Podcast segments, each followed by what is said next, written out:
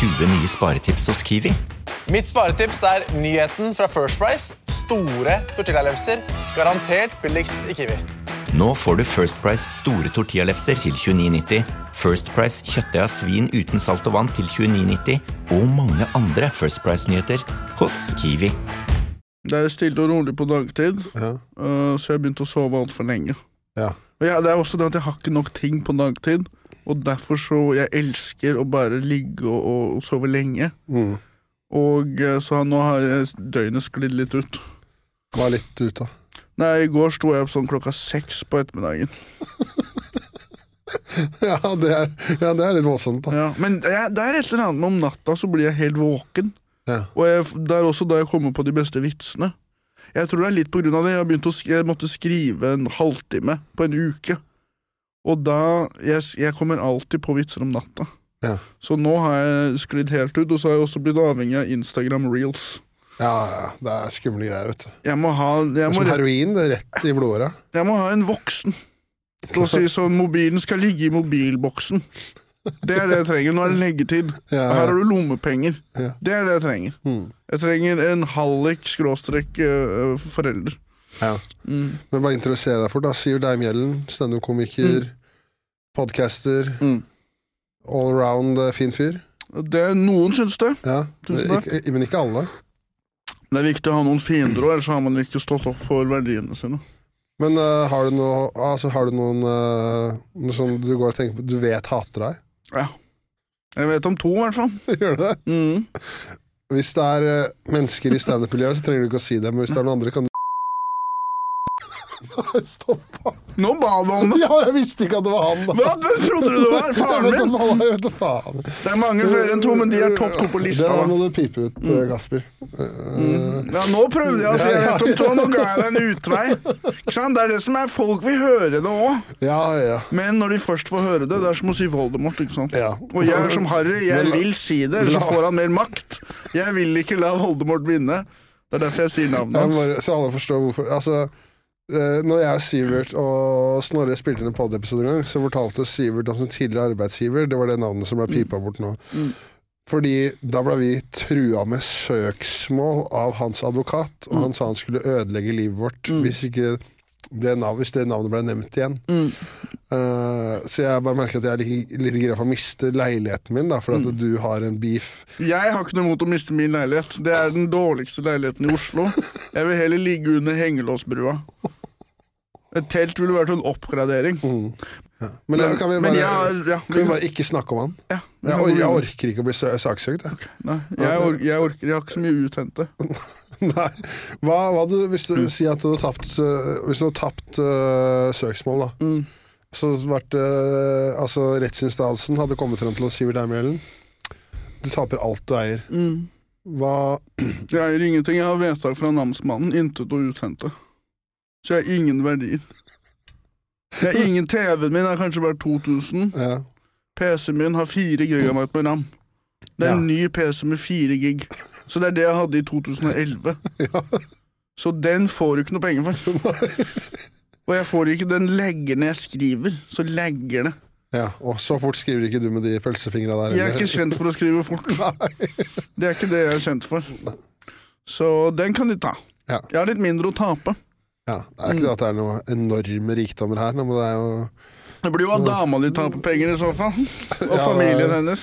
Det er jo en uh, halv leilighet da, og et par unger, men de vil kanskje ikke ha. Ja, mest sannsynlig ikke. Jeg ser du vinner en rettssak, og så får du to unger du ikke vil ha. Ja, og, så er, og så er de ikke begavet. Nei. Ungene mine tror jeg ville vært, øh, ville vært, vært minimalt. Mm. Jeg tror ikke de ville klart å løse klimakrisen, liksom. Nei. Nei jeg tror ikke jeg skal ha barn. jeg. Nei du, du, du, har sagt noe til meg som er sånn der, eh, brutalt ærlig, og, men også litt trist, føler jeg. Mm, det er litt trist. At du er bare sånn Du var bare så ærlig på at Nei, de, jeg har ikke lyst til å spre de genene her Nei. videre. Og jeg har lyst til å være 40 år Mm. og sitte og drikke pils på en tirsdag og ikke bry meg om barn. Jeg vil være barnslig. Jeg vil Ja. sitte i barn. Ja, sitt, ja, ja, 50 kilo. Ja. Jeg vil ikke Det er deilig å ikke være voksen, men kanskje man blir ensom når man blir eldre, og da angrer man. For det jeg skal spørre om, du er ikke redd for at når du sitter her For la oss være ærlig, du har jo du er 30 nå, du har 35 år igjen av livet. Det er sjenerøst. Jeg tenker 40 er eh, Da er mye riktig skjedd. Ja, Hvis du holder ut ti år Ja, til. Ja. ja. Okay, men da, har du, da er det ikke noe stress, for da, har, da blir du aldri gammel og ensom. Ja, det er det, men jo, det er faktisk noe som holder meg litt oppe om natta. Om jeg kommer til å angre på det når jeg er sånn 44. At du ikke har fått barn. Mm. Ja. Ja, da begynner de instinktene begynner å bli sånn Nå vil jeg ikke feste, nå vil jeg være hjemme. Nå vi er på en måte sånn som menn blir når de begynner å fikse ting litt i huset og sånn. I dag så skal jeg fikse den skapet som knirker, med sånn liten oljegreie man må dryppe på. Etterpå så skal vi sette på vinterdekk, jeg og sønnen min. Ja. Man får de der fars... Den viben, da. Blir litt feitere, begynner å bli interessert i grilling. Ja. Ja, og bare den familiegreia. Jeg kan se for meg å være hjemme mye med en familie er chill, da. Med mindre de er irriterende, da. Det er veldig koselig, da. Men eh, jeg har ikke fått noen sånn brutal interesse for å bytte vinterdekk ennå, men det, kan, det kommer. Det kommer nok. ja. kanskje, man- Jeg må kanskje få meg en bil først. Ja, det Kanskje det hjelper. Men hva med sånn å fikse ting i huset? Har du begynt med det? Gå rundt og Du, se har- Oi, den planka der knirka litt. En ting jeg la merke til som var sånn skremmende, da jeg skjønte at jeg begynte å bli en gammel, sur gubbe, det var at jeg har begynt å være sånn sykelig opptatt av å fikse og ha orden i boden. At Ja, liksom- det er det! Det er det som skjer! Og plutselig så begynner du å kjøpe turklær, Ja. fiskeutstyr Fiskeutstyr har jeg. ja, Og da og, og jeg har, har, og jeg driver, jeg driver så, har sånn derre På ene veggen i boden Mm. Så jeg driver og festa sånne håndtak og hengsler som kan henge opp sekker og ski og fiskestenger og sånn, riktig, så alt ser bra ut. da Fy fader, nå Ja. begynner du å bli boomer, holdt jeg på å si. Ja. Det som du kommer til å få etter hvert, er et skjul med verktøy, hvor alle verktøyene henger, og skiftenøklene går etter størrelse. Jeg har kjøpt noen verktøykasse. Ja, ok. Ja, ja, ja, Ok, ja. Få høre om verktøysituasjonen. Hva, hvor langt har du kommet? Du, jeg har så mye verktøy nå. Jeg har én drill, liksom, men jeg skal ikke ha unger. Hva er det du har nå? har jeg to, i hvert fall et par driller. Altså fem-seks forskjellige skrutrekkere, stjernetrekkere, Sånn der, mm. mutt, altså sånn du kan løsne muttere. Et par-tre brakoer. Okay. En egen boks med reserveskruer, sånne trebiter. Ja. Uh, så jeg er på en måte Ja. Gi meg to år til, da, så går fly N-ordet, på en måte. Da, ja, det blir noen enbommert på julaften neste år. Nå sitter du og leser, leser nyhetene og bare ja, det- Det er sånn ø, Dama di åpner julepresangen på julaften, og så står det bare N-ordet på en lapp i en eske. Sånn som eh, i år, da, så fikk denne datteren min fikk eh, en Barbie-dukke som var mørk. Ja. Og i år irriterte ikke det meg, det syns jeg var, var koselig. Ah. Men om to år, Ja. da blir jeg sånn Å ja, er det så woke nå, ja? Ja, det er, neste er, det er den havfruen var svart også. Du begynner å klage på det. Mm. Jeg syns at den mørke Barbien ikke er mørk nok. ja du er der. Ja. Hva skjer med det light skin-bullshitet her? La oss gjøre det på ekte. Men jeg så det var en, eh, en, eldre, en fyr uh, uh, som er Altså faren til uh, en jeg kjenner, fra, som jeg er ve- venn på Facebook. Han skrev en status i går, og da var det sånn Oslo kommune vil ha en egen gate for ramadan, og så sånn sint fjes. Ja. For det var en sånn nyhetssak nå. Mm. Skal de ha en egen Altså Da er det sånn Her kan dere gå. Jeg skulle helt ærlig, så jeg har ikke lest saken. Det er jo litt interessant idé. At det er sånn Du har en, en gate hvor det er pride-flagget er malt på asfalten. ja. Hvor det er sånn, Dette er pride-strøket. Dette er det motsatte av pride-strøket. Dette er kanskje paraden ikke burde gå gjennom. Nei, det er vel ikke, det er ikke en vannpause der. Det er, eh, det er som å gå og passere forbi liksom Hells Angels med samme paraden. Jeg tror, tror ikke det er ruta å ta. Nei. Men eh, nei, Og så heller kanskje stenge kebabsjappa på den gata på dagtid. Ja. Så ikke du står der og selger jævlig digg mat til bare folk som sulter. ja. Du er inne på det her, tror jeg. Ja, Steng ned kebabsjappa akkurat på den gata den måneden. Men vi har, jeg har jo nevnt eh, ja, Vi har snakka om det litt før når det har vært, eh, vært med her tidligere, men vi har aldri spilt inn bare jeg og du. Nei. Uh, så jeg lurer på, kan ikke du liksom fortelle de som lytter på Altså, du er opprinnelig fra Asker. Mm. Er du fra, men du er ikke fra rikdom i Asker? Nei. Du er fra slummen i Asker. Ja, Det er ikke så eh, på en måte aggressiv slum i Asker. Men jeg, Nei, jeg jeg kommer fra en lavere middelklassefamilie med separerte foreldre. vil jeg si. Jeg vil ikke si at Jeg trodde ikke det var eh, Bangladesh-tilstander eh, i Asker. Men, Askers Bangladesh. Der- Det er der jeg ble født. Ja, Det er kun de sterkeste som overlever. ja. Jeg gikk på, jeg gikk på Jansvika Solvang, som er liksom Jeg tror folk har penger der. Ja. Og så gikk jeg på NTG i Bærum sammen med deg, og der også er det mange folk med penger. Men, men min familie da er liksom uh, separerte og, og Ja, kanskje hatt litt mindre da enn mange andre i Asker, tror jeg. Ja. Tror jeg, da. Kan hende jeg bare er negativ. For det, det er på en måte en av de, må være en av de verste formene for fattigdom. da Ja. At alle andre rundt deg er dritrike, så har dere bare litt. Jeg føler meg som Kenny i South Park. og det er han ene Men vi hadde en somalier i klassen òg, som vi hadde litt sånn et, Ja, følte han hadde også noen hull i T-skjorta noen ganger. Ja, det var ikke bare deg. Nei. Nei. Men altså, ok, altså, øh, nå hoppa du Men altså, altså var du har jo da Du gikk på NTG for, øh, for judo, ikke sant? Mm. Uh, var det noe du drev med fra da du var liksom veldig ung, eller var det noe, når var det du begynte med det? Pappa meldte meg på judo fordi han drev med judo som barn. Ja. Så han, Jeg husker første judotreninga. Det var bare at han leverte meg der. Og så løp de da for å varme opp, og så måtte jeg bare hive meg med. Og så fortsatte jeg med det, da. Uh, men jeg, uh, jeg ikke, jeg tror at jeg ville være god i en ting, for jeg var ikke så god på skolen, for eksempel. Og jeg var ganske rampete. Jeg likte veldig godt å lekeslåss. Ja. Så judo er veldig bra for å lekeslåss uten å få kjeft. ja, ja, ikke? Mm, på skolen så får man kjeft. Ikke noe slag og Nei, nei, nei. nei. Nei. Så det er jo litt sånn safe, da. Men du ble jo, du ble jo ganske Var du naturlig god, eller er det liksom noe Var det treningstalent, eller hva var det? Ikke naturlig god. Eh, jeg tror også norsk judo det bærer litt preg av at det ikke er så eh, stort konkurransepress. Så det er mye lettere å bli god i judo Ja. enn f.eks. fotball. Så det er også en del av historien. Men det er jo også det at jeg, jeg var en av de som gadd å trene liksom to ganger om dagen og alt det der, da. Mm. For det er jo Men det, så var, da begynte du på NTG. Altså, du er norgesmester og sånn, er du ikke det? I 2011 så var, vant jeg NM og Norgescupen. For seniorer For juniorer under 20 år. under 20 år, ja. Mm. Tok jeg bronse i senior. ja. Men senior det er ikke så mange som driver med det, vet du. Nei, det er ikke noe man kan leve av judo i Norge. Du kan ikke det, altså. Nei. Og jeg, jeg, begynner, jeg ser litt på judo nå, men jeg skjønner at folk ikke gidder å se judoturneringer. Ja, ikke sant. Det er litt sånn MMA tror jeg har tatt den plassen. Altså. Til judo, ja. Jeg tror det er kroken på døra for mange idretter. Ja. Boksing og, og, og bryting, og jeg tror UFC liksom får de inn der, da. Men du har jo OL, da. Mm. Det er jo judo og bryting og sånn er jævlig stort i OL, Mm. som gjør at uh, man liksom man har, jeg får ha et inntrykk av at alle som driver med bryting og judo, har en sånn fireårsperiode. Mm. OL altså Nå har det sikkert vært pa, altså Paris 2023, da. Mm. Eller 2024. Mm.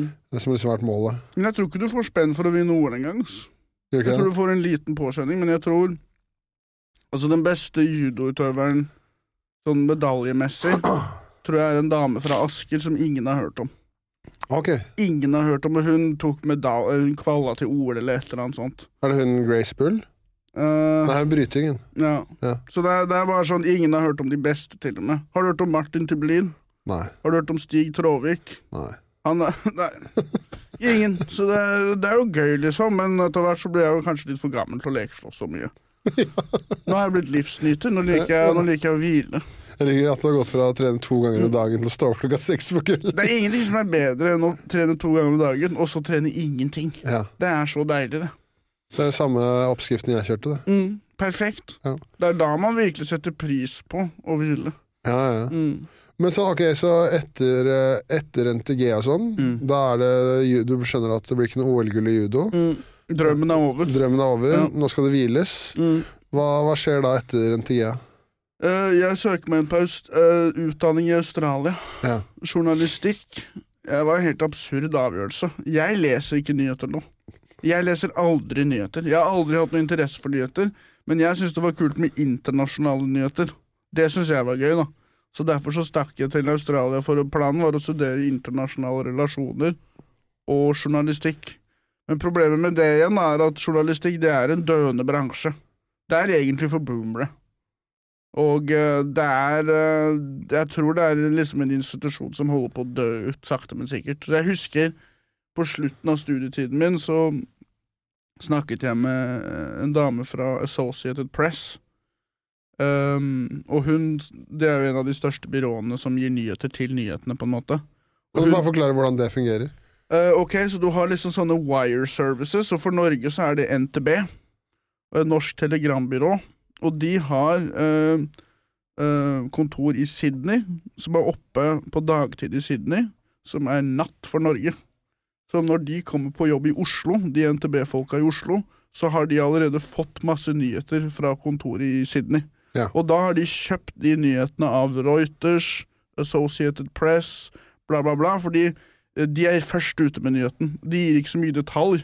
De bare sier jordskred i Venezuela, 38 død, og så sender man den informasjonen til NRK eller Aftenposten, whatever, og så legger de til litt informasjon, kanskje intervjuer en eller annen jordskredekspert, et eller annet sånt, og gjør det lengre, da. Ja. Men det betyr at når jeg jobba for NTB, hvis jeg skriver feil, som jeg garantert gjorde masse, da får alle feil informasjon, Ja. og da siterer de den samme kilden.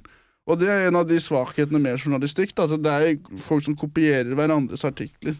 Hvis noen gjør en feil i starten, så blir det helt skeivt, da. Ja, ikke sant? Ja. Mm.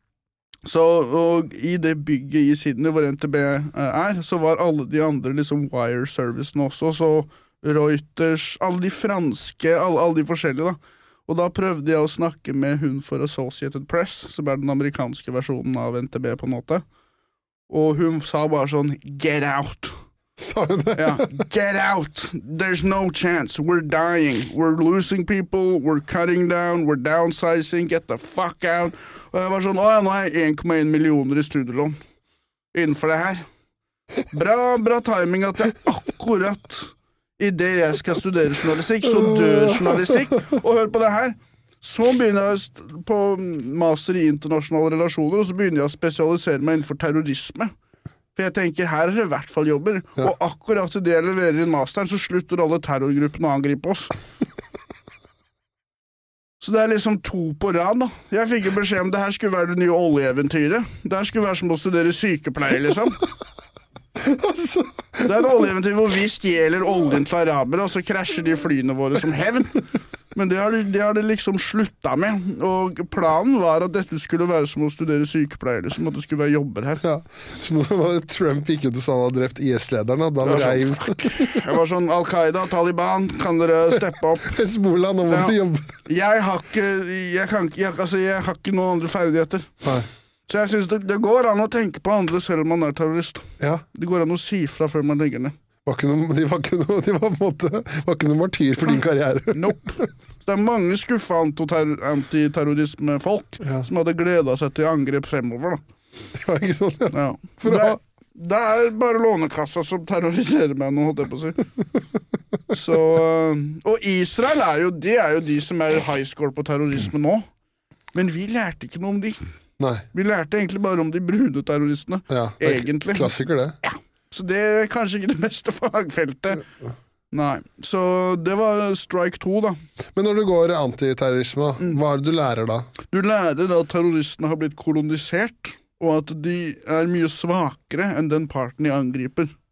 Og så lærer du også at de har prøvd sannsynligvis mange andre ting, eksempel FN, eller kanskje bare forsvare seg med Hvordan, andre militærmakt. At, At de har prøvd Å ja, ikke sant, få hjelp av FN? Ja, for eksempel jeg, Palestina. jeg trodde det var sånn herre Ja, jeg fikk ikke den jobben på ambassaden i Kabul, så derfor skal jeg sprenge Jeg ville være resepsjonist på FN-kontoret. Nei, Det er mer sånn at, at det systemet funker ikke helt. da. Det er veldig imot disse uh, utviklingslandene. Så derfor så til slutt så er de bare sånn fuck it. Mm. Så det er, det er ofte, Man får ofte mye sympati for terrorgruppen når man studerer litt nærmere. da. Ja, Men så er det sånne ting som kvinnesyn og sånn, da. ja. Som gjør at man blir veldig sånn wow. ja. Men jeg tror det er er naturlig å gjøre motstand da, hvis du Tirsdag fra ti til tolv, hvor man skal kaste homofile fra taket. Ja, sånne ting. Ja. Ikke sant? Så det er der man må på en måte ikke sympatisere med det, da. Ja. Men uh, for eksempel, uh, hvis du tar piraten i Somalia, da, så noen kan se på som litt sånn terroristaktig Det som begynte der, var at vi begynte å stjele fisken deres. Ja, og, og dumpe all søppel. Og så begynte de å skyte på båtene, og det er ikke den fortellingen vi har fått fra nyhetene. Vi har fått beskjed om at nå kommer de skumle afrikanske piratene og, og tar gisler og Som er høye på katt. Ja, som er høye på katt, men det er sånn Vi stjeler maten til somalierne. Det er det styggeste du kan gjøre. Selvfølgelig kommer de til å skyte fra båtene sine. Ja. Men så plutselig så gikk de fra å liksom beskytte sjøen sin til å kidnappe og få løse penger. Og det er mye bedre betalt vet, enn å fiske. Ja, ja. Og det er der de på en måte mister litt den moralske høygrunnen. da. Så det er mange sånne eksempler på Jo mer du studerer de gruppene, jo mer sympati kan man få for dem. Har du noen favoritt-terrorgruppe, eller? Mm. Hmm. Hvis du måtte valgt en å bli medlem i, liksom. I, IS var jo Det var en jævlig ekkel gruppe, en jævlig slem gruppe, men det var kanskje den mest interessante å studere, fordi det som skjedde, var at USA angrep Irak, tok makta, og så sparka de hele hæren. Og den hæren, det er jo ikke sånn at de kommer til å åpne butikker eller begynne å jobbe på sånn eh, videoutleiesjappe eller noe. De okay. kan bare én ting, og det er å skyte. Var ikke en som satt inne med en par, med et par ordentlige bangers og låter der? Som skulle, de hadde ikke noe bitcoin, de hadde ikke noe andre, og da, de ble IS, da. Ja. Og de var også jævlig dyktige, for de har jo hatt masse kriger for Saddam. Og eh, alle de fikk sparken samtidig. Lykke til videre. Og så ble det til IS, da. Mm. Så det er en, en gruppe som er Det er gøy å liksom skjønne uh, hvordan ble de til, og hvem sin feil er det. Og det er jo veldig mye USA sin feil, da. Mm. Du kan ikke sparke 400 000 elitesoldater på dagen, og så bli overraska når de klarer å ta over Irak en uke seinere. Sånn, jeg lurer på hvem det kan ha vært. Vi har bare sparka 70 generaler. Lurer på hvem som klarte å ta over Irak på to uker. Hmm, kanskje de generalene og alle de elitesoldatene vi nettopp sparka. som satt med all informasjonen om landet. Som kan alt, og som har 30 år med erfaring mot Iran. Og, ja. Så det, det er litt sånn gøy å se litt sånn um, Hva kaller man det? Cause and effect Ja. på de gruppene, da. Men var det en terrorgruppe som var liksom betrakt... Eller, eller liksom var det en gruppe som var verre enn noen andre, som gjorde helt jævlige ting? Altså er, du vet jo at IS gjorde helt jævlige ting. Altså det, Mm. Var det noe som var verre enn de andre? Når Boko Haram tæsja alle de damene. Ja. Husker du? Vi Ja, tok sånn 60 damer, og det er sånn Har dette med Vesten å gjøre? Eller er det bare jævlig kåte, liksom? Hvordan er det så å kjempe mot imperialisme og stjele 60 damer fra nabobygda di? Det hjelper jo ikke en dritt. Det er jo bare at dere vil pule. Dere kan ta oppvasken deres sjæl, selv om dere kjemper mot imperialisme, liksom. Det, de to tingene henger ikke sammen. Skjønner du hva jeg mener? Det der er opportunisme. Det er som hvis de piratene skulle begynt å, å rævpule alle de fiskerne de fanga. Det er- handler jo ikke om Nå er koser dere bare. Nope, nå koser dere bare, dere. Ja, så det er eh, Men eh, Shane Gillis har jo en jævlig morsom vits på det, og det var vel om Al Qaida, var det ikke det? Mot USA, eller var det Taliban? Taliban, ja. Hvor man begynner å heie på de, for de er så underdog, og de har på seg sandaler. Ja. Og når de klarer å sprenge en bil eller noe, så er de bare så sykt glad, for de kan ikke tro det. De bare, og man, man eh, ja, som han også sier, når man spiller Call of Duty og sånn, så føler man seg mer som de, da. Siden man ikke er så god i det. Cat Williams har også en sjukt morsom vits om det. Mm. Hvor han sier Det er vel i sånn 2012-2013 eller noe sånt. nå, Mm. Hvor han snakker om krigen i Irak. Hvor han er sånn Har vi ikke drept alle snart? Ja. Og de er bare sånn, og så skjønner ikke publikum. Og bare da, ok, la meg, gi, gi meg et eksempel. da Kan noen her fortelle meg hvordan uniformen til det irakiske militæret ser ut? Vi dreper folk i sandaler, joggebukser, pikéer altså sånn der. Og så lurer man på hvorfor blir det bruker terrorisme mot oss. Er- Fordi vi Ja. Det er som et romskip som svever over. Skyter de på en mystisk, overnaturlig måte? De tror sikkert de var angrepet av aliens de det første halvåret. halve året. Ja, nå, så, altså, så lite sivilisert er de ikke, da. Ja, jeg, jeg tror den første droneangrepet, da tror jeg de skvatt noe jævlig. Ja, Hva var det for noe?! Du hadde jo skutt i du òg. Hvis det hadde kommet en drone og begynt å skyte på deg og familien din. Ja, det er sånn hmm, Har gjort noe galt, liksom? Er det overnaturlig som skjedde nå? Ja. Men det er jo Hva skal jeg si nå at uh, uh, Ja, for det er jo, det, det er jo man, det, man, kan, eller man lurer på hvordan, hvorfor ting skjer, da. Så ser man en dokumentar om det. bare sånn «Å, Det var en de mistenkte for å være medlem av IS i et bryllup. Så da bare blåste man opp hele bryllupet og drepte 200 stykker. Og det er det man kalte for liksom the sledgehammer approach. Det er at det er én terrorist der, så tar du en altfor stor slegge og slår, så sprer det seg over hele området, for det er alle de andre radikaliserte pga. det ene angrepet. Ja. Så det er en av de tingene de snakket om, da, at for å bekjempe terrorisme, så må man for det første overbevise de som bor der at man er på deres lag, og så må man ha en logisk strategi. Og i Irak-krigen så var USA helt ikke på Iraks dag i det hele tatt. Hva mener du med det? At de tok ikke hensyn til den humanitære situasjonen der. De prøvde ikke å beskytte de sivile fra eh, terroristangrep og sånn. De gjemte seg på en måte bare i slags baser, og så var det sykt mange som døde, da. Og for å ta over et sånt område, så må du ha jævlig mange soldater. Men det skjønner ikke politikere, for de er ikke generaler. Så når eh, Bush ville angripe Irak, så var det en eh, general som heter Shinseko, som sa sånn Det er altfor få soldater til å klare å ta og holde det. Det kommer bare til å bli uendelig med konflikt. Og da fikk han generalen sparken. Ja. Så eh, strategien kan ikke funke, for det er for få tropper. Og det er dårlig hensikt, da, eller intensjonen er egentlig bare å, å dominere Midtøsten som vanlig, da. Ja, ja. Men jeg fikk se på masteren min om Irak, så jeg er på en måte ikke akkurat en intellektuell gullgruve eh, akademisk, da. Så det er mitt veldig overfladiske blikk på hele den greia der. ja. Mm. Jeg klarte ikke akkurat å gjenoppfinne hjulet når jeg prøvde å beskrive eh, Irak. Nei, nei. Egentlig så er jeg ikke smart nok til å studere det. Burde bare blitt rørlegger eller noe. Ja, men C er jo ikke helt krise, da. Er ikke C ganske dårlig. Det er midt på treet, er det ikke? Firer? Men hvis du leverer inn en master og får C, Ja. er du da verdig en master, på en måte? Men det var vel jævler som fikk D og E? Kanskje. Jeg føler at hvis du får C, da får du ikke jobb etterpå. Men du Nei, får det er jo du et levende eksempel på. Du får graden din, Ja. så du kan henge på veggen, men du får ikke jobb etterpå. Nei.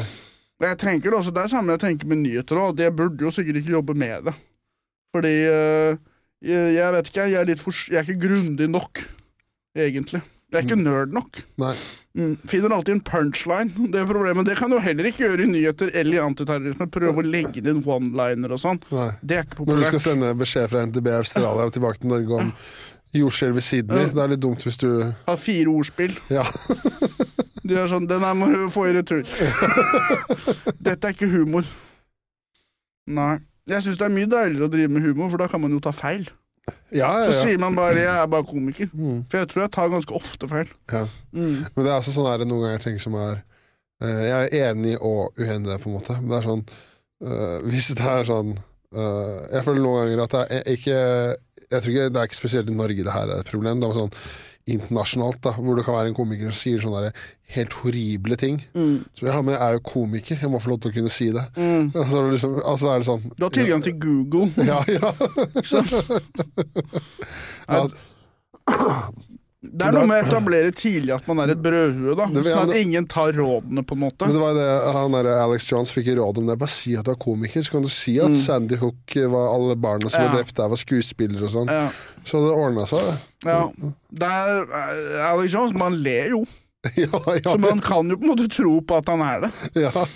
Det beste hadde vært hvis det var Sasha Baron Cohen som spiller inn den nyeste filmen sin, eller noe. Ja, det det hadde- vært han hele tiden. Det hadde gitt veldig mening, da. Kroppsmessig, de har veldig samme kroppsbygning. Nei, man, vet, man vet aldri med de folka, sånn som Ben Shapiro og mange av de uh, The Liver King. Det virker ikke som det er ekte. Du, du, du går fra Ben Shapiro til Liver King. For meg så er det samme intellekt, på en måte. Forskjellen er at The Liver King ikke bruker 45 minutter på å diskutere Barbie-filmen. Nei. Nei, men eh, det er på en måte Jeg føler at det er sånne, det er sånne mm, målgrupper du kan treffe med å være sånne eh, litt konstruerte karakterer, da. Og, og jeg, jeg tror ikke på, på at de mener de tinga, halvparten av de der. Andrew Tate også. Jeg tror at Når du skrur av kameraet, så tror jeg han er mye mer sånn vanlig. Ja. Mens med en gang han eh, har kameraet på, så er han sånn We are at war! You know, feminism is invading us! Og så, Jeg har sett noen sånn klipp da når de har kameraet av, og så er han ganske sånn chill og vanlig. Og, ja. Så jeg tror det er fake, da, mye av de folka. Ja, det blir, det blir sikkert en karakter. Og så tipper jeg at det, det blir sånn når du får respons på karakteren, at du bare dobler, Lener deg inn i det som lener i- funker. Ja, lener Ja. det som funker, ja.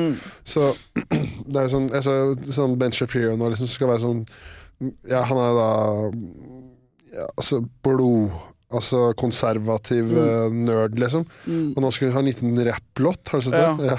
Ja. Men jeg kan tenke meg han kommer hjem, og så tar han oppvasken. Han tar på seg forkle, glemmer helt at han skal være sånn uh, mannsfyr, da. Og uh, at det sikkert er litt spill for galleriet, da. ja, det vil jeg tro. Mm. Men det er jo Lener du deg inn i en eller annen retning for å treffe en viss målgruppe?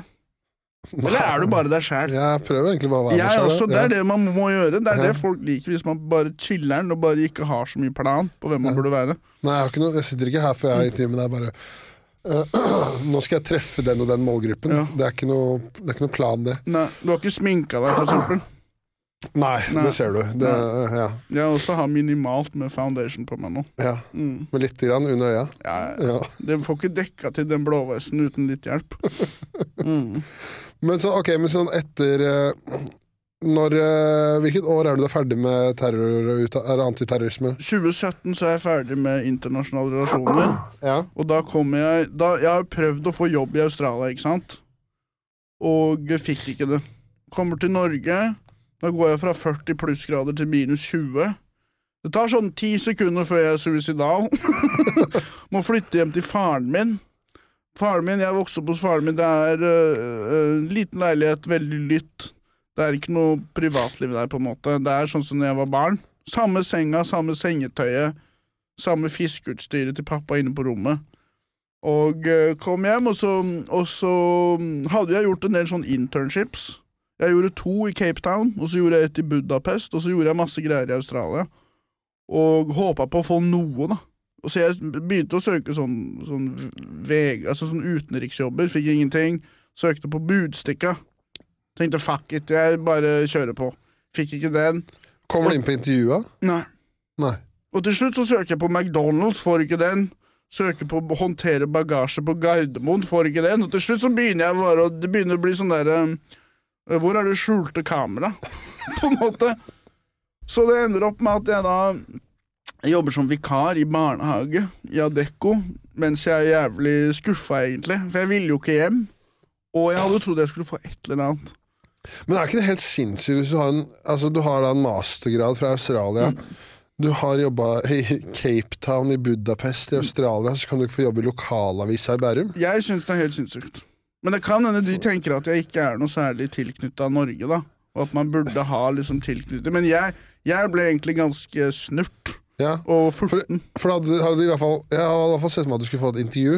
Mm. Og så hvis du hadde kommet inn på intervju og vært som den Sivert jeg kjenner, Mm. så hadde jeg kanskje skjønt at han her burde ikke dekke Israel og Palestina. Nettopp. Men, Men- jeg vil ha intervjuet! Ja, det er det jeg. Jeg vil bli avvist etter intervjuet. Ja, du burde fått et intervju i hvert fall. Ja. Selvfølgelig skal jeg bli avvist, men Ja. jeg skal ha intervju. Ja. Det skal jeg faen meg ha. Fy fader. Så det som skjer da, er at jeg går over til å begynne med standup. Og så er planen min er å jobbe som resepsjonist mens jeg gjør standup. Fordi resepsjonist Jeg klarte å få en sånn vikarjobb i Adecco, og det er den chilleste jobben jeg har hatt. Det, da koser jeg meg virkelig. Sitte foran PC-en, skrive standup, spise litt, chille'n. Mye, Kan dere benytte dere av buffeen på ja, ja, dude, man kan ta så mye, mange ganger man vil. Man, de bare trekker ti kroner eller noe. Ja. Så er det sånn treretters med supper og grønnsaker og fucking suffleer. Så det, å, da storkoste jeg meg. Så da hadde jeg som mål i tre år å få fast jobb som resepsjonist. Etter tre år fortsatt ikke klart å få det. Men du har jo ikke jobba på det en stund, har du det? Uh, sist gang jeg gjorde det, var i sånn 2021 eller noe. Ja.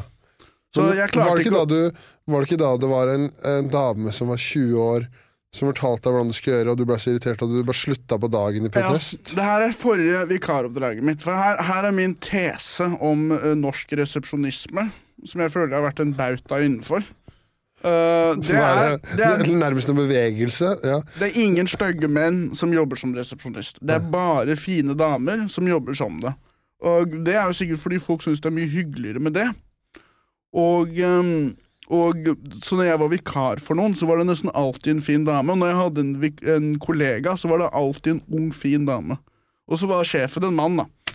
Så det som skjedde, var at jeg var Det er sånn lurer på hvordan hun fikk den jobben, og da har jeg akkurat blitt avvist 5000 ganger. Så da er jeg litt sånn bitter over det, da.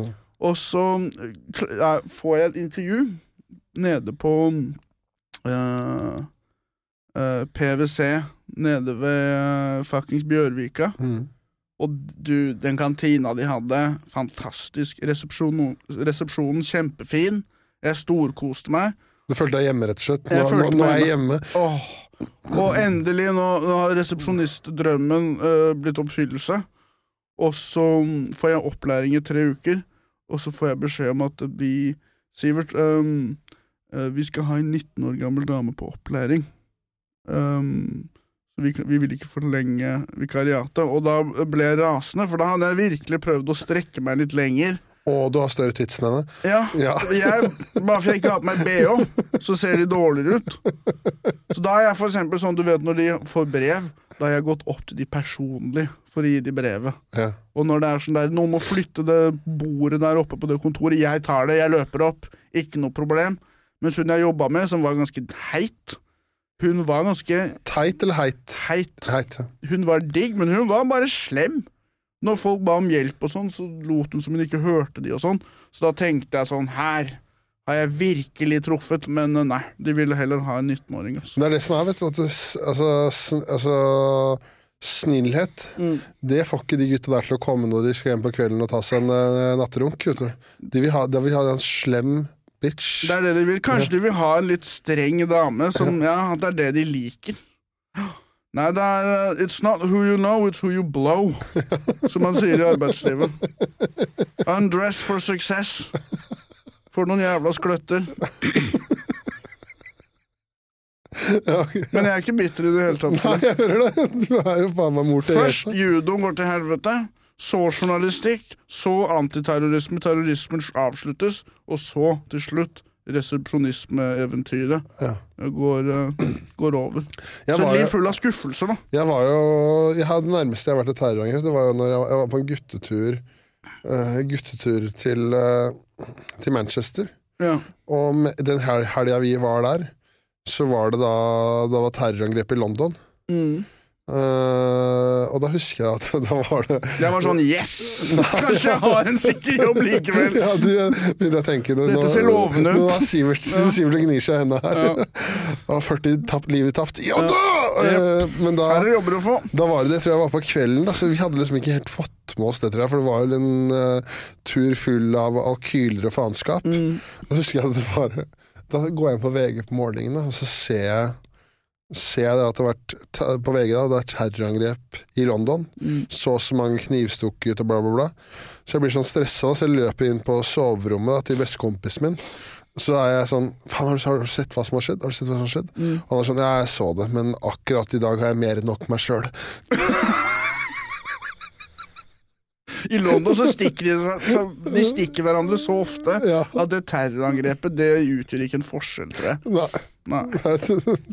Da skjønte jeg bare at ja, ja, det er kanskje på tide å få seg noen nye venner her nå. Ja. Nei, jeg merker meg, altså I starten så skvatt man veldig av terrorisme, og så etter hvert så var det sånn ja, Marker deg som trygg på Facebook. Ja, Sett på ny episode av It's Always Sunny in Philadelphia. Verden snurrer videre. Nå døde en person, nå døde en person, nå døde en person. Det er for mange her uansett. Men det, man blir, det er det etter hvert, man klarer ikke å bry seg til slutt. Det er sånn uh, Patrice O'Neill, han komikeren, han, er, han har gjerne morsom bitt om det at han ikke klarer å bry seg lenger. Om hvordan er sånn Han slår på nyheten, og så står det sånn 5000 døde i jordskjelvet i Haiti. Han er sånn Han prøver å bry seg, men klarer Prøver å ikke. føle noe. Det er det jeg mener med internasjonale nyheter er bare tull, fordi en person bryr seg om barna sine. Mm.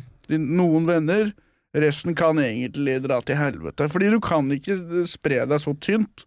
Og jeg bare husker å vokse opp med å se pappa se på nyhetene, og bare få hver dag en oppdatering over hele verden, alt som har skjedd. Hvorfor? Hva er det han skal bruke den informasjonen til? Ja. Og han sitter på en måte da nesten som en sånn amerikansk president som får en brifing av alle ekspertene sine, og det er sånn Barbados har blitt en republikk, og pappa er sånn Den er grei! Det, takk for informasjonen. Da startet den arabiske våren. Han er sånn ok, da stikker jeg ikke til Aleppo de neste to ukene. Den er grei. Takk for informasjon.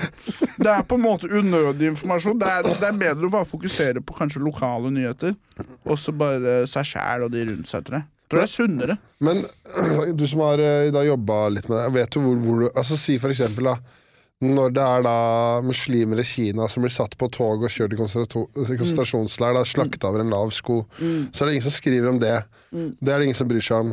Eh, VG skriver jo ikke noe om det, men hvis det er da en fyr som er knivstukket i London, da, så er det en stor sak. Jo nærmere du er, jo mer er du verdt. Ja. Og det er jo det som jeg merket med NTB også, da velger man nyhetssaker. Mm. Så det kommer masse nyheter inn, og så skal man velge hva som er en sak, og hva som ikke. Og så er det sjefen min som sier godkjent, da. Og da Ja. er det veldig sånn, du får norske nyheter òg.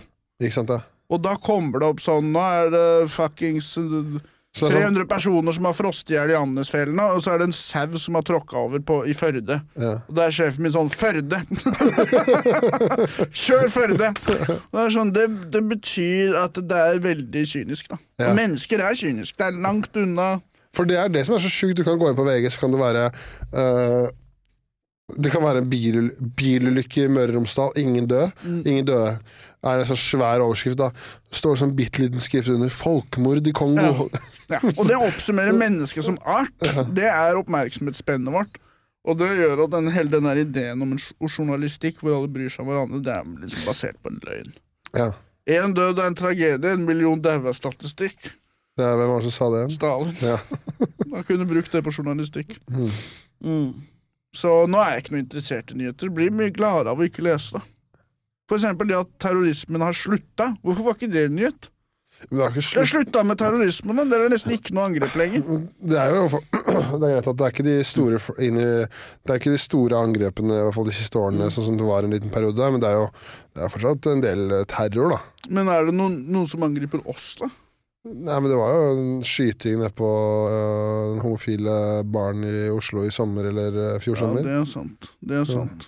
Men det, Apropos hvor ræva menneskeheten er, det ramma Ja. ikke deg, så du var ikke så opptatt av det. Jeg markerte meg som trygg, så gikk jeg og la meg igjen. Nei, men det er noe med Nyhetene er veldig negative alltid. Det må være negativt. Det er ikke sunt å lese så mye katastrofe hver dag. Du blir jo psykopat av det. Ja. Til slutt så sitter du der, og så er det sånn 500 000 daua i går, og så sitter man der, så sier man sånn Send meg potetene. Ja. Send meg sausen. Jeg trenger saus til det folkemordet der. Jeg gidder ikke å se på det folkemordet der uten saus på potetene. Og da, da har du jo mistet all, all indre sjel, liksom. Nei. Men lokale nyheter syns jeg er litt artig. For eksempel Avisa Oslo. Sånne der småting som er nærme. Da merker jeg bryr meg litt. da Og så kanskje sport. Man burde jo liksom skrive om fotballaget sitt og sånn. Ja. Ellers har jeg ikke noe vits for de. I jula nå vet du, så var det den beste overskriften jeg har sett på lokalavisa der jeg er fra. Mm. Da var det bilde av en fyr som sto tommel opp. Så sto det 'Hassan er muslim, men han elsker ribbe'. Det er nyheter! Det er nyheter! For- det er perfekt! ja, og Da klikker folk på de, og så er de glade og fornøyde. Jeg husker det var en gang jeg fiska Jeg fiska en del i Akerselva før. Som sagt, mye tid til over, sliter penger. Det ble noen timer i Akerselva vi prøvde å fiske laks. da Det er laks der om sommeren som går opp og gyter, bla, bla, bla. Så får jeg én fisk. Så legger jeg den fra meg, så skal jeg ta på ny krok eller ny mark, og da er den fisken borte. Og da ser jeg en fuckings oter som har stjålet den og stikker hodet opp, og da googler jeg oter Hengelåsbrua, og da får jeg opp lokale artikler om den lokale oteren, og den har et navn og sånn, og jeg er sånn, dette er journalistikk. Det er en rekke artikler skrevet om én oter. Da kan jeg bli investert. Ja, da er du Og da tenkte jeg også sånn, den burde ta den fisken. Det er faktisk rett og rimelig, liksom. Jeg fiska der det var ulovlig. Ja. Så kan hende den steppa inn for å, mm, å håndheve litt. Mm. Mm. Men det, det liker jeg, det syns jeg er koselig. ja.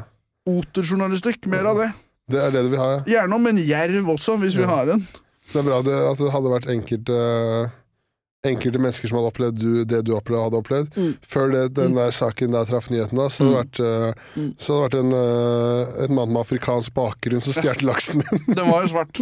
Det var den. Men jeg, jeg begynte jo å fantasere. Hva er det som har skjedd her? Fordi jeg legger en, en fisk på bakken, snur meg rundt, øh, og snur meg tilbake, og da er den borte. Og hvem er det som er ved hengelåsbrua om natta? Det er mye narkiser og sånn. Så begynte jeg å tenke, vil en narkis stjele en ørret? På en måte. Jeg, jeg klarer ikke å løse det mysteriet her. Ja. Og så så jeg det lille svarte hodet stikke opp bak en sånn trepalle som lå og fløyt, med den fisken, og da tenkte jeg sånn Selvfølgelig. Ja. Mann mot natur. Og oteren Jens slår til igjen. Og det er sånn De er på bunnen av næringskjeden her, jeg skjønner det. Oteren er over meg, liksom. Ja. Mm. Men kan man, man kan ikke spise den fisken man får i Akerselva der? Den svømmer bare opp for å gyte, så den er egentlig ikke i elva. Nei. Så Så det betyr at man kan spise den? Ja. Har du, har, har du, spist. har du spist fisk fra Akerselva før? Nei, jeg har bare fått én, og den ble tatt av en oter. Så jeg hadde en del tid til overs, da, for å si det sånn, et par somre. Og eh, jeg sto og fiska der en stund. Det handla jo ikke om fisken. Ut. Nei. Nei. Det er jo veldig meditativt å fiske med flue, selv om du ikke får fisk. Når du får en fisk, det ødelegger nesten. Hva mener du? Nei, at det er deilig å bare tenke og stå sånn her og kaste og, og flyte. Hva skal jeg gjøre med den fisken? Skal jeg, da skal jeg sløye den og dra hjem og steke den og alt mulig sånn. Det var nesten bedre å ikke få fisk. Ja. Bare stå chillen og fiske. Men fisker du mye? Eller har du Jeg har ikke fiska Jeg fiska da jeg var barn, så var jeg veldig fiskeinteressert. Mens nå er jeg litt mer sånn Men jeg har litt lyst til å begynne med det igjen. Mm. Fisking det er en av de tingene jeg kunne tenkt meg å begynne med igjen. Ja. Det er passe slitsomt. Det er mitt aktivitetsnivå. At det kvalifiserer som en sport, det er jo helt latterlig. Men eh, nei, det er mitt, eh, mitt tempo, på en måte, fisking. Mm. Men det er jo jævlig deilig å bare sitte ved en elv eller eh, ved et vann. da Med, altså, Hvis du fisker på bånd, da, for eksempel. Klasse på noe mark og perlemutter. uti. Sette stanga i en sånn trepinne, og så bare sitte der og bare Perfekt. Eller på en båt. marinere i angsten sin. Ja, og bare bli distrahert fra katastrofene som definerer livet mitt, fordi jeg blir distrahert av å se på en dupp. Sånne ting. Men også det å fiske. Jeg har veldig lyst, hvis jeg noensinne får noe penger, så hadde det vært helt konge å ha en liten båt. Ja. Kunne kjøre ut, ta seg en halvliter. Jeg vet ikke om det er lov. Er det lov? Ja, det er lov å ta seg en halvliter. ja. Og bare håpe på å få på å ikke få fisk. Det er vel eh, Gjemme seg fra dama. Late som man fisker. 08 er grensa. Ok, hvor, my- hvor mye kan man drikke for å få det? Ja? Jeg vet ikke, vet du, Kasper? Fire-fem øl? 08? Kan man drikke så mye? 08 i promille? Det er Ja, ikke det? Hva er det, da? Fire, fire, fire-fem øl? Ja, Det er, det er ikke gærent, det. Nei. Det holder, det. Ja. Fy fader. Putter rundt ute på vannet der med tre, eller to halvliter og koser seg. Det høres helt konge ut. Vil du høre en, en historie om eh, materialforvalteren på Lillehammer? Ja. Materialforvalter? Ja. Hva er det for noe? Det er han fyren som har ansvaret for utstyret. Og nå tenkte jeg på vitsene dine. Å ja, nei. Det er en fyr som uh, forvalter materialet mitt. Han er outsourca i Lillehammer. Nei. Nei, men da var det materialforvalteren på Lillehammer, da. Han, uh, han uh, er en sånn jævlig ålreit fyr, sånn der, eh, litt bygdeoriginal, da, kan du si. Og så hadde han sagt at han ville bli materialforvalter ved ishockeylaget, da. Så hadde de sagt sånn her, ja, kom ned og prøv, så kan du se hvordan det her går, da. Så tror jeg det var kamp nummer to eller noe sånt, da, hvor han var jævlig ivrig, da, sånn punch på hockey. Så liksom, han hang utafor Han hang utenfor uh, pleksiglasset, Mm. Så ansiktet hans var liksom, hvis pucken kom mot han, da, så traff så fikk han pucken i ansiktet. da Og de sa du kan ikke henge over der, du kan ikke henge over der, men han hang over der. da Så tre, blir den uh, pucken, klasker den i trynet hans. Så han, mister, han mister alle tennene sine. Mm. Ja. Oppe og et par nede. Nede. Eh, par også, ja. Og da har han jo en forsikring, da. Så han får da en personforsikring, så han får da et oppgjør da for, denne, for det, den ulykken. Så han får ganske mange tusen da for å fikse tenna sine. Nice. Det han legenden her gjør da, han bruker de penga da på å kjøpe seg en båt. Ja. ja, og det her, da, det her var da i 94 90, 90, 96 Så han har ikke tenner og ny båt. Han har ikke tenner, men ny båt. Og så det året han kjøper seg båten, da, det var det året det var flom på Lillehammer. Ja. Så, så, han, så båten hans forsvinner i flommen. Wow. Men han var ikke forsikra båten. Så han ender med å stå igjen uten båt og uten tenner, og ikke noe penger. Det der er også en perfekt nyhetssak. Ja. Det er mer av det! Ja. Få høre mer om hvor ubrukelig det går an å bli. Ja. Men han tenkte kanskje det at han har Han har kanskje ikke så mange år igjen å leve. Og han ser så stygg ut i trynet. Han lever fortsatt. Ja, Men kanskje han tenker som meg, at man må leve i nuet, liksom. Kos deg nå, du vet aldri hva som kommer til å skje. Og eh, hvis han så stygg ut i trynet, så kanskje ikke de tennene utgjorde så stor forskjell. Nei. Var han stygg før han eh, ble truffet? Ja, Altså, det var jo før jeg begynte på Lillehammer, da. Men han gikk rundt uten tenner når jeg møtte ham første gang. Ja. Ja. Fy faen. Men der, der er det mange hockeyspillere som mister mange tenner. Ja, det er vel en del, ja. Er det litt sånn badge of honor, litt sånn som sånn kåløre og bryting? At du mangler én tann, da er det sånn ok, han fyren her er veteran. Nei, jeg tror de fleste fikser det med en gang. Ja. Får klinka inn et par plasttenner der. Ja, fordi jeg, jeg Du vet sånn derre kåløre? Ja, ja. Jeg hadde jo det her, Men jeg gjorde en veldig god jobb med å tømme det med sånn sprøyte. Ja. Og jeg skulle ønske at jeg ikke gjorde det. Jo, det Jeg skulle ønske jeg nei. hadde litt kåløl. Jeg Nei, det er så jævlig sånn stygt. ja, jeg, ja. For det som skjer, er vel at øret blir banka, og så får- blir det vann i øret, gjør ikke? Det blir noe sånn, jeg vet ikke, det blir noe grønt. Og grønt. Det er øh, rødt og grønt, da, men Ja. det grønne stivner. Ja. Mm. Så jeg, ok, kanskje jeg gjorde riktig avgjørelse, da. ja. For det, det er ikke det at du er så stygg, men du trenger ikke noe for å gjøre deg styggere. Nei, jeg trenger ikke å oppgradere styggheten. Eller kanskje det da blir mer gjennomført. For det er sånn, ok, han gjør det 100 faktisk. Han har et arr i trynet og mangler tenner og, og ett øre. Ja. Mm. Men sånn som, sånn som nå, da. Nå er det Nå, nå jobber du ikke siden av standup, gjør du det? Nei. Holder på å sulte i hjel. Planen i år er å prøve å tjene litt penger. Og øh, ja, jeg må bare gjøre det. Jeg har ikke kjøpt en bursdagsgave til mamma på fem år. Og husleia skal inn i dag. Jeg mangler hele husleia. Og jeg skal til Stavanger, og jeg skal til Bergen. Og øh, Så jeg, jeg må faktisk få ut fingeren litt, prøve å tjene litt penger. Så målet er å bli litt mer kynisk i år. Ja. Jeg skal ha et litt mer kynisk år. Mm. Men du vil ikke ha deg jobb siden av? Nei. Nei. jeg, for det første, jeg har jo prøvd i fem år å få jobb, og det var jo ingen som ville ha meg. Og for det andre, jeg er så umotivert når jeg tar en jobb nå, fordi jeg tenker bare på standup og podcasting. Ja. Jeg klarer ikke å bry meg om, om å jobbe for eksempel i barnehage nå. Og den, den jobben jeg hadde sist, var jo å jobbe som vikar i barnehage, og jeg syns ikke jeg burde jobbe i barnehage. Nei, det syns ikke jeg. Jeg syns barna fortjener en sjanse. Du kan ikke ha en fyr som bare snakker om Irak og sånn i en barnehage. Det er ikke det de trenger. Syns de treåringene savner du også Hezbollah, eller? Ja. Sånn, Alle har lagt ned, IS har lagt ned, Al Qaida har lagt ned. De sitter der 'Mamma!' Nei, Jeg husker det, altså. Og det er også noe med at jeg har ikke tillitsvekkende fjes. Nei, nei, nei. Så når jeg møter opp i en ny barnehage som vikar, så det som skjer, er at mange av småbarna begynner å gråte. Og jeg trener jo 176 kroner i timen, så jeg pleier også å gråte om morgenen.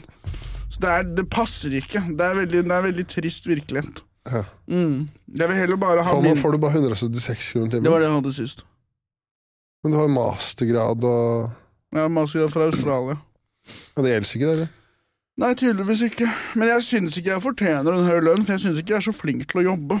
Men uh, for 176 kroner i timen, da er det vanskelig å bry seg, altså. Ja. Mm. Når du jobber med barn, så er det gjerne en fordel. da. Når du har 1,3 millioner i studielån, så blir det ikke så mye igjen. Det er sånn, Jeg må slå gjennom, vinne Lotto eller henge meg selv. Jeg kan ikke leve på en lavere middelklasseinntekt med, med min økonomiske ubrukelighet og min enorme gjeld. Nei. Mm. Men det går jo, det går jo framover. Du har jo podkast som heter Majonesmafiaen. Mm. Det, det går jo framover med den. og Ja. Du er jo veldig god Du er kjempeflink i standup og sånn. Du, Takk skal du ha. Ja. Det jeg føler jeg har tapt meg litt i standup en stund. For jeg har blitt litt mer fokusert på podcasting og sånn. Og så klarte jeg å pitche et show som heter Halvnytt på Njø. Og da la jeg jævlig mye press på meg sjæl, Fordi da må jeg ha en halvtime som er ganske fersk. Og da Det har gjort at jeg har begynt å skrive mye mer, da. Og det er også en av grunnene til at jeg har snudd døgnet så jævlig. Fordi det er om natta jeg alltid kommer på vitser. ja. Det er da jeg klarer å skrive Jeg klarte å skrive elleve nye bits på en uke eller noe. Da satt jeg oppe hele natta. Så nå har jeg føler jeg har fått en ny gnist, da, litt på grunn av det showet. Fordi jeg, jeg må klare å komme på noe greier, ellers er jeg fucked. Og jeg trenger egentlig sånn press for å gjøre ting. Jeg trenger at det kan gå skikkelig galt hvis ikke jeg kommer på noe. Så nå er jeg Jeg føler jeg har vært mer kreativ i det siste, da. Men det har jo gått utover døgnrytmen, selvfølgelig. ja. Mm. Så nå vil jeg kjøre hardt med standup og stå så mye som mulig, og gjøre så mange halvtimer som mulig. Mm. Det er planen liksom framover. Ja, det er et mål jeg har, å prøve å gjøre så mange halvtimer som mulig, og, og uh, prøve å finne ut hva det er som funker, liksom. Og ikke holde meg til gamle materiale så mye. Skriv nytt. Bedre skitt enn før. Kast det gamle greiene. Det gamle dritet. Ja, gamle rælet. Få det ut. Få det vekk. Men vil du ha du ikke, Det er ikke noen plan om å ha noe soloshow eller noe sånt? nå? Først vil jeg bli bedre. Ja. For jeg gidder ikke Jeg vil at det første soloshowet skal være bra. Mm. Og at det ikke er noe tvil om at jeg kan gjøre en time. Kanskje når jeg har gjort ti halvtimer, da. Så hører jeg gjennom alle, og så ser jeg på hva som funker, og så kanskje jeg kan lage en time da. Ja. Da har jeg sikra meg en del. Da har jeg jo fem timer Så kanskje det kan bli én god time ut av det, da. Ut av de fem, ja. Ja, Og 20 ja. er Jo, bra det nok. hører, høres bra ut. Det. Bedre det enn å være sånn prøve å fylle det ut, Ja. og akkurat klare å levere en time. Da er du ikke klar. Nei, nei, Du burde ha altfor mye materiale når du lager en time. Mm. Mm. Jeg syns det er veldig gøy med nytt materiale, for jeg kjeder meg etter en stund. Så det er det som er litt problemet mitt, er at jeg vet vet ikke om jeg klarer å beholde en vits lenge nok til å lage en time, liksom. Fordi etter et år så liker jeg ikke de eldre vitsene. Nei, men la den ligge, da, så kan du plukke den opp igjen Ja. før showet ditt. Det er det jeg må gjøre. Så må jeg spørre folk som er gode, da. Hvilke vitser burde jeg beholde? Ja. Fordi jeg har en tendens til de vitsene jeg elsker, hater alle. og den vitsen jeg ikke syns er så spennende, kanskje treffer, men den syns jeg var litt kjedelig. Så jeg må spørre noen som er bedre enn meg, til å velge vitsene. Men sånn som hva er for eksempel, er for foreldrene, foreldrene som fan av at du gjør standup? Uh, pappa har jo anbefalt meg å ikke gjøre det hele veien. Uh, mamma hun har sagt at hun syns det er kult, og hun syns det er spennende å komme på show. Og Du har vært på mye show, eller? hun har vært på noen show. Hun var med i, til Moss når jeg sto der. Ja, gøy. Det var kjempegøy. Heldigvis klarte jeg å gjøre det bra. Eh, ellers hadde det vært jævlig kleint. Mm. Men uh, jeg, mi, mitt materiale det er ikke så foreldrevennlig alltid. Nei. Hvis du skjønner hva jeg mener. Så jeg syns det er litt chill at det ikke alltid kommer på show. Kommer dine foreldre mye på show? Nei, ikke mye. Nei. Men uh, Noen ganger i året. ja, kanskje Ja, det, de har ikke De var kanskje Jeg tror mamma var på ett show i fjor, ja. Ja, Det er passe, det. ja. Det er altså ja, Nei, det er ikke, det er ikke, det er ikke ofte, liksom De var vel på Hva var det de var, da? Ja, de var vel en eller annen gang i september i fjor eller noe sånt. Nå. Det var vel sist de var. Det er ikke sånn at jeg driver maser på at de skal komme heller, men de har ikke noe imot at jeg driver med standup. De syns det er kult liksom Mm. å heie, heia. Mm, Men de bare heier fra sida, Ja. måte. det passer, det. Ja. Pappa er veldig glad når jeg har vært på TV, for det er det han er opptatt av. Og det fikk være ti sekunder med den Fladseth-serien. Da var han fornøyd, liksom. ja, okay. Så det er sånne ting han uh, liker, da, for han er veldig glad i TV. Du kan ikke fortelle han at du står på Crap Over Park, og han syns det er fett, for han aner jo ikke hva det er. eh. Han vet ikke hva en podkast er. Nei, ikke sant. Det- Han trenger jo ikke å høre på. Det går greit for meg. Ja. Men han skjønner ikke han Er det sånn som radio, liksom? Bare at det er spilt inn på Jeg prøver å bare Du, du trenger ikke å høre på podkast, pappa. Det går bra. Mm. Fortsett å se på Urix og få masse informasjon du ikke trenger. Det passer for deg. Men uh, sånn som uh, Hva var det jeg skulle si nå? Jo. Uh, sånn i forhold til, uh, til podkasten og sånn. Mm. Eh, nei, men ikke det. Det jeg var eh, Men du har, da virker det som du har et ganske ålreit forhold til foreldrene. da Ja, Ja. det har jeg. Jeg er veldig glad i familien min. Veldig glad i mamma og Kaja. Ja. Og, pappa òg, selvfølgelig. Men man er jo alltid litt ekstra glad i mammaen sin. Ja. Så, øh, så ja. Det er øh, Men de foreldrene er skilt? mm, Ja. De er separerte. De gifta seg aldri. Nei, ikke sant? det. Så de ble separert da jeg var sånn fire år eller noe. Mm. De har ikke fått sånn nye Ikke pappa. Mamma har. Mm. Hun har gifta seg på nytt. Pappa, han, øh, han chiller'n. A-chillerne? Ja.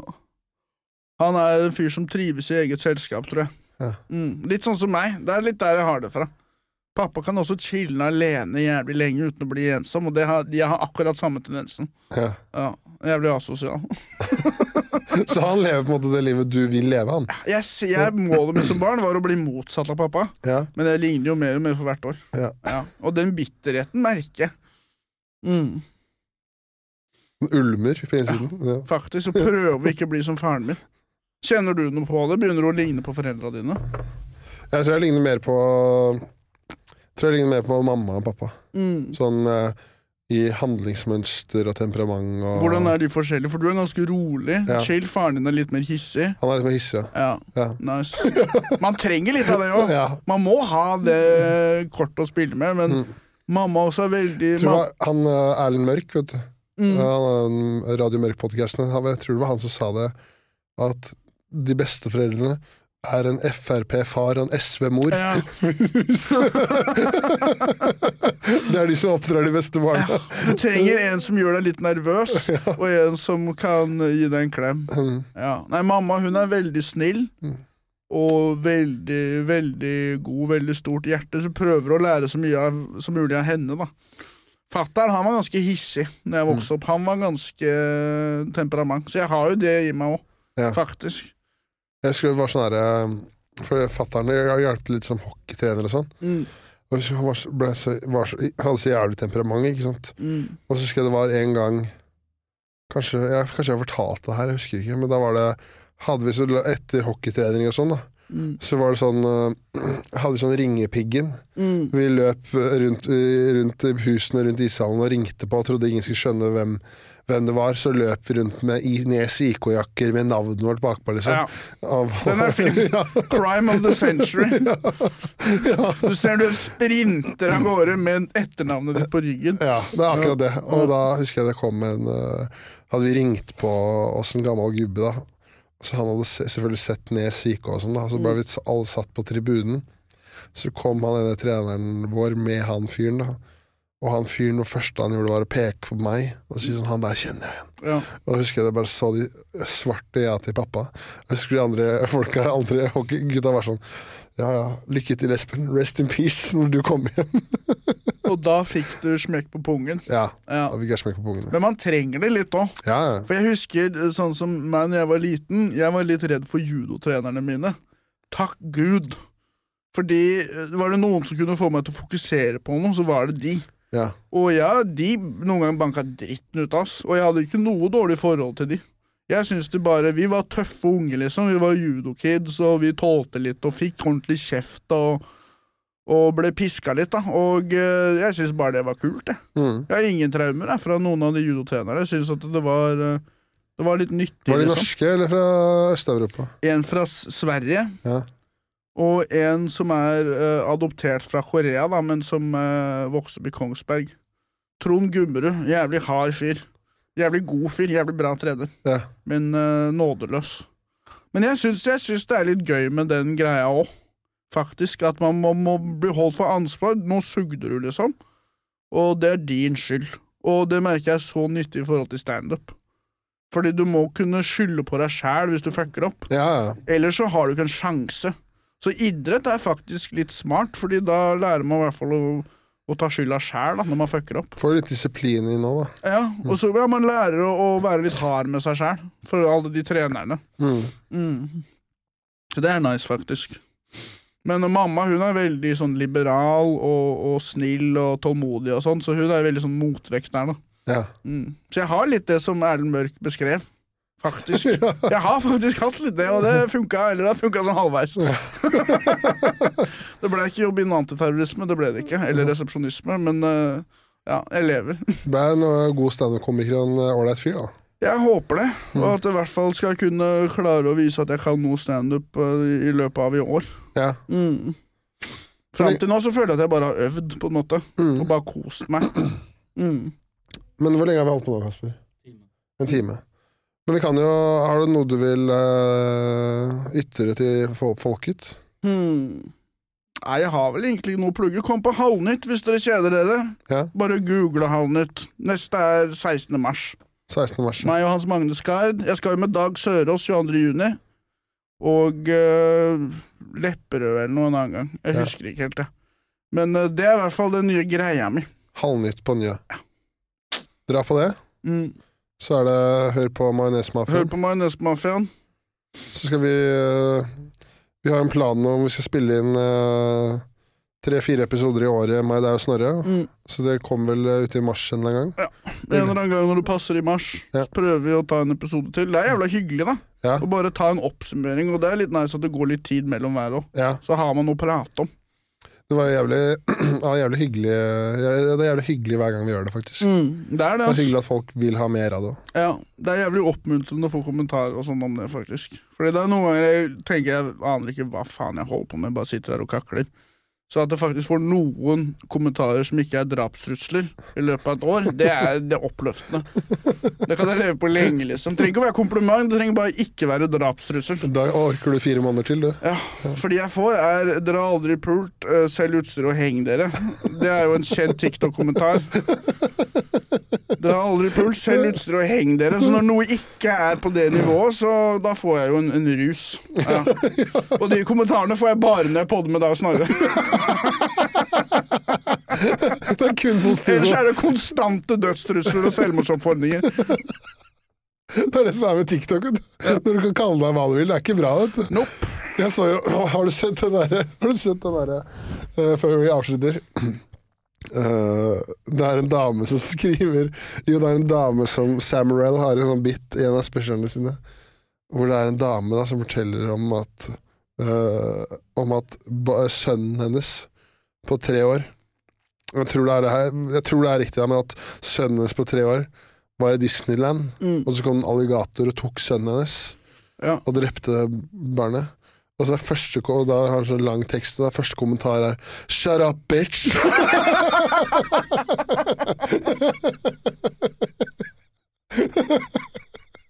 Han hører på Majonesmafiaen. Garantert i mafiaen.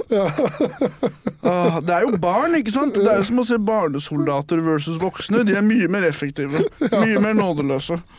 Det er det det handler om. De har ikke et moralsk kompass ennå. De er nådeløse. Ja. Heng deg, skyt deg. Ta selvmord. Ja, ja, men med det så takker vi, takker vi for følget, og ha en eh, strålende dag videre, og Gud være med dere. Gud være med dere.